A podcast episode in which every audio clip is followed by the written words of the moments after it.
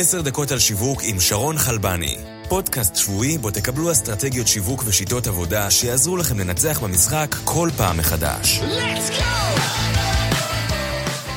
ברוכים הבאים לעוד פרק של 10 דקות על שיווק. אני שרון חלבני ואיתי נמצא נדב דקנר, מייסד ומנכ"ל Inbound Junction.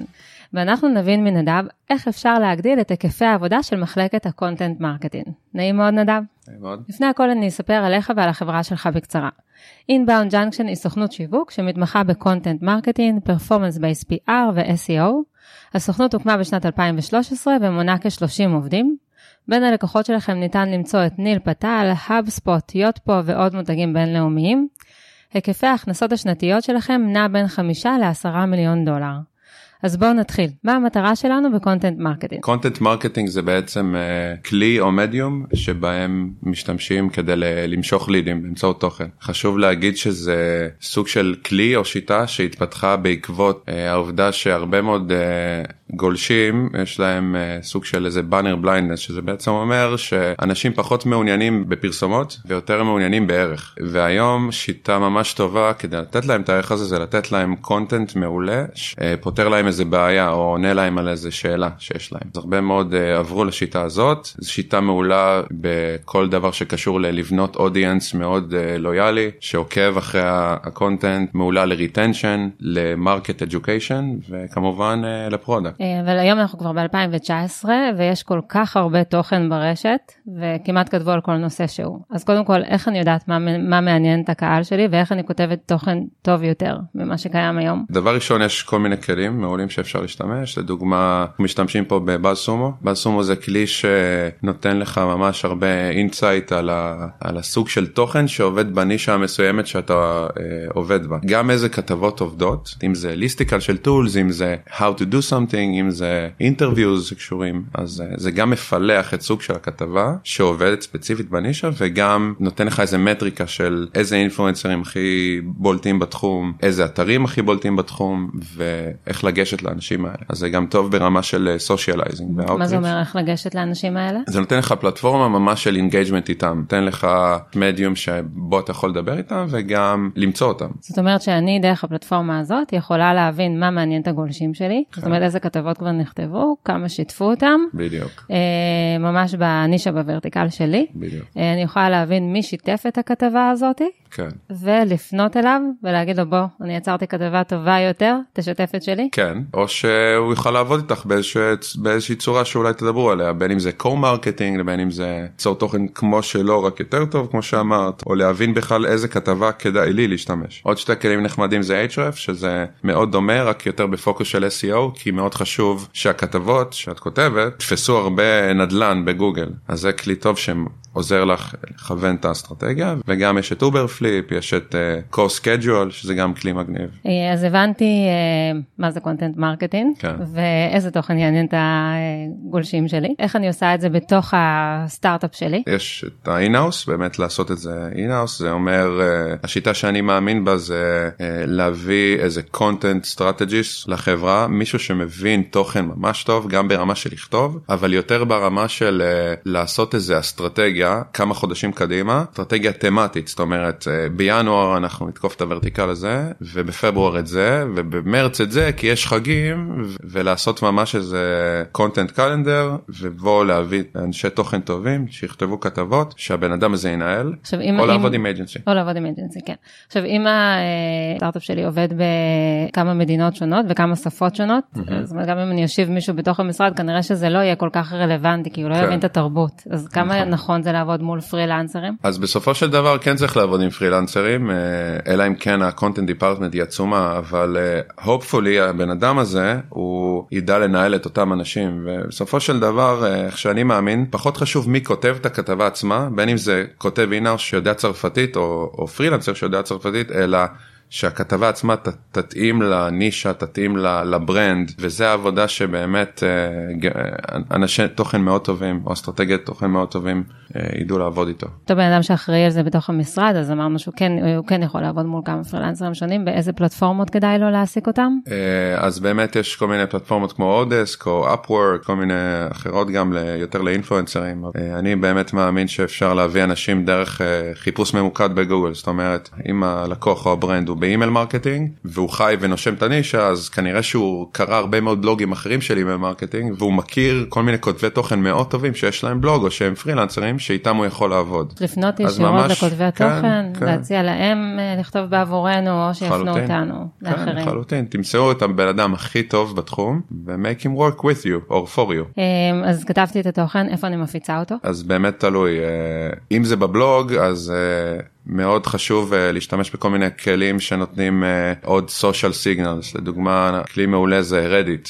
הרבה מאוד אנשים לא מודעים לכמה חזק רדיט בהפצת תכנים. יש גם growth hackers שזה עוד פלטפורמה ממש של content upvote שמאוד קשורה לסטארט-אפים לצורך העניין. אה, יש קוורה, יש באז שוגר, יש אה, פעם היה inbound.org, היום זה בשם אחר, אז זה פלטפורמה מאוד טובות להפצת תוכן. אה, עכשיו שאלה, כשאני מעלה את התוכן לבלוג חברה שלי, מה עדיף שהוא יישב תחת sub domain או sub folder? זאת שאלה, שאלה מקצועית. כן, זאת שאלה ממש טובה. אני רק אסביר על מה ההבדל, sub folder זה ממש השם של החברה, בלוג ואז slash בלוג, ו sub domain זה שהבלוג יישב בבלוג נקודה האתר.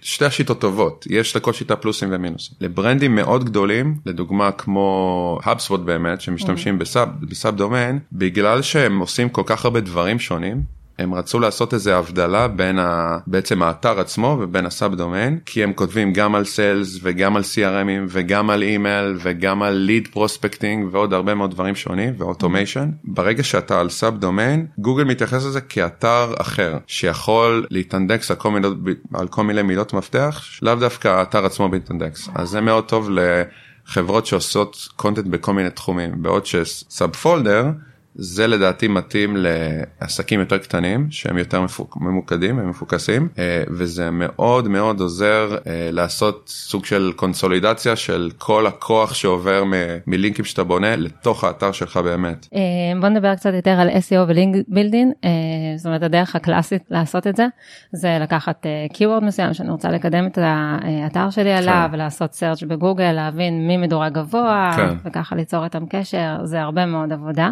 כן. אה, יש לך איזושהי שיטת עבודה שיכולה לייעל את זה, להפוך את זה להיות מהיר יותר, ב scale יותר גדול. Yeah, אז יש באמת כל מיני כלים, כמו נגיד Linkstream אה, או BuzzStream, והוא ממש יכול לפלטר הזדמנויות רלוונטיות בנישה. יש את Searchmetrics או SEO engine שזה כלי מאוד כבד שממש נותן לך insight של הנה המתחרים בנישה הנה הלינקים שלהם יש שלך אין. Okay. אוקיי. אה, יש כלים כמו Majestic ו-Ahrefs שגם מפלטרים מאוד טוב את כל ההזדמנויות הקיימות ואת הדירוגים mm-hmm. או SEMrush נגיד גם מעולה. אה, אבל אין על עבודה מנואלית לחפש מילת מפתח מסוימת לראות מי המתחרים שלי למה הם באיזה אתרים הם מופיעים אה, ואז להשתמש בכלים האלה וגם ליצור קשר עם הכתבות הספציפיות או עם עיתונאים הספציפיים כדי שהם ירשמו אליך כי אתה יודע שגוגל מאוד אוהב אותם אם אתה כותב מילה מסוימת ואתה רואה 20 כתבות ואז, ואז אתה בתוצאה 21 אתה יודע שזה high, high value links בשבילך ספציפית למילה הזאת. אז אין, אין, אין מנוס מעבודה כאילו של מעבודה הידנית לא. הזאתי. כן אוקיי. באמצעות כלים. קודם אנחנו דיברנו על פרילנסרים לגבי כתיבת תוכן. מה לגבי פרילנסרים שיעשו ממש את העבודה הזאת בשבילי? כמה זה אפקטיבי? זה מאוד אפקטיבי. אה, שוב תלוי ב scale. יש ארגונים שצריכים הרבה מאוד לינקים צריכים אפילו עשרות או מאות לינקים בחודש וזה עבודה שגם אה, לא נכון לעשות in-house באופן מלא כי זה עבודה מאוד סיזיפית לפעמים אה, כאילו סוג של data mining לעשות איזה רשימות ולעשות outreach להרבה מאוד אתרים אז אני מאמין שאת העבודה הזאת ספציפית אפשר לעשות עם פרילנסר ואת הממש אסטרטגיה מאחורי זה צריך לשבת איזה SEO manager שמתווה אותה שאומר. אני רוצ, מחפש את הלינקים עם המטריקות האלו והאלו מהאתרים האלו והאלו ואז הוא מפעיל את הצוות של הכותבים או הפרילנסרים כדי שיעשו outreach. כמה רלוונטיים הלינקים מפורבס או האפינגטון פוסט אני מניחה שכל מי כן. שיש לו title של marketing כן. מקבל אין סוף כן. כותבים כן, שמציעים לו. כן. אז, אה, אז אני חושב שהם אה, מאוד טובים אה, יש איזה אסכולה שמדברת על no follow ו-do follow אני אסביר את זה ממש בקצרה. לינקים של no follow כביכול לא מעבירים אה, כוח לאתר ולינקים של do follow כן מעבירים מאתר אחר אליך. אה, אבל אה, באסטרטגיית SEO טובה צריך שיהיה איזון טוב ביניהם לכן אני ממליץ שהסוגי לינקים האלה יהיו גם קיימים פה וגם פה. לינקים באפינגטון פוסט ופורבס ואנטרפנור הם לינקים טובים כי הם גם מביאים traffic. מה יותר טוב מאשר traffic לאתר שזה אגב גם signal של גוגל אז אני ממש ממש ממליץ כן ללכת על ההזדמנויות האלה במיוחד אם הם מאוד רלוונטיות לנישה ספציפית. שזה גם תלוי איפה הכתבה יושבת בדיוק, באיזה section באיזה זה אז לא סתם כתבה בפורבס אלא אם אתה brand של פינטק אז תמצא כותב של finance אז אני חושב שזה אחלה אחלה של דבר זה גם נותן trust מאוד גבוה אה, לגוגל. זאת אומרת גוגל עובד במעגלים הוא מאוד סומך נגיד לניו יורק טיימס ועל פייסבוק ומתחת לזה הוא סומך על אתרים בוא נגיד second tier ואז על third tier ואם האתר שלי גם צוטט בפורבס וגם בניו יורק טיימס אז גוגל מבין שיש פה איזה מעגל של trust אז הוא כן מבין שהאתר אה, הוא לפחות חשוב מספיק. טוב תודה רבה נדב. אנחנו סיימנו להיום. אני מזמינה גם את המאזינים שלנו וגם את הצופים שלנו להגיב לנו, לדרג אותנו. חשוב לנו לשמוע מה דעתכם על הפרק הזה, כדי שנוכל להמשיך לייצר לכם תוכן איכותי. אה, ואם יש לכם שאלות לנדב, אה, תכתבו אותם, הוא ישתדל להגיב לכולן. בכיף. תודה רבה, אנחנו סיימנו. תודה רבה. עוד פרק של 10 דקות על שיווק הגיע לסיומו. אנו מזמינים אתכם להירשם ולקבל אסטרטגיות שיווק ושיטות עבודה מהאנשים המובילים בתעשייה. אל תשכחו לדרג ולכתוב ביקורת על התוכנית כדי שנוכל להמשיך לספק לכם תוכן איכותי. נתראה בשבוע הבא בעוד עשר דקות על שיווק עם שרון חלבני.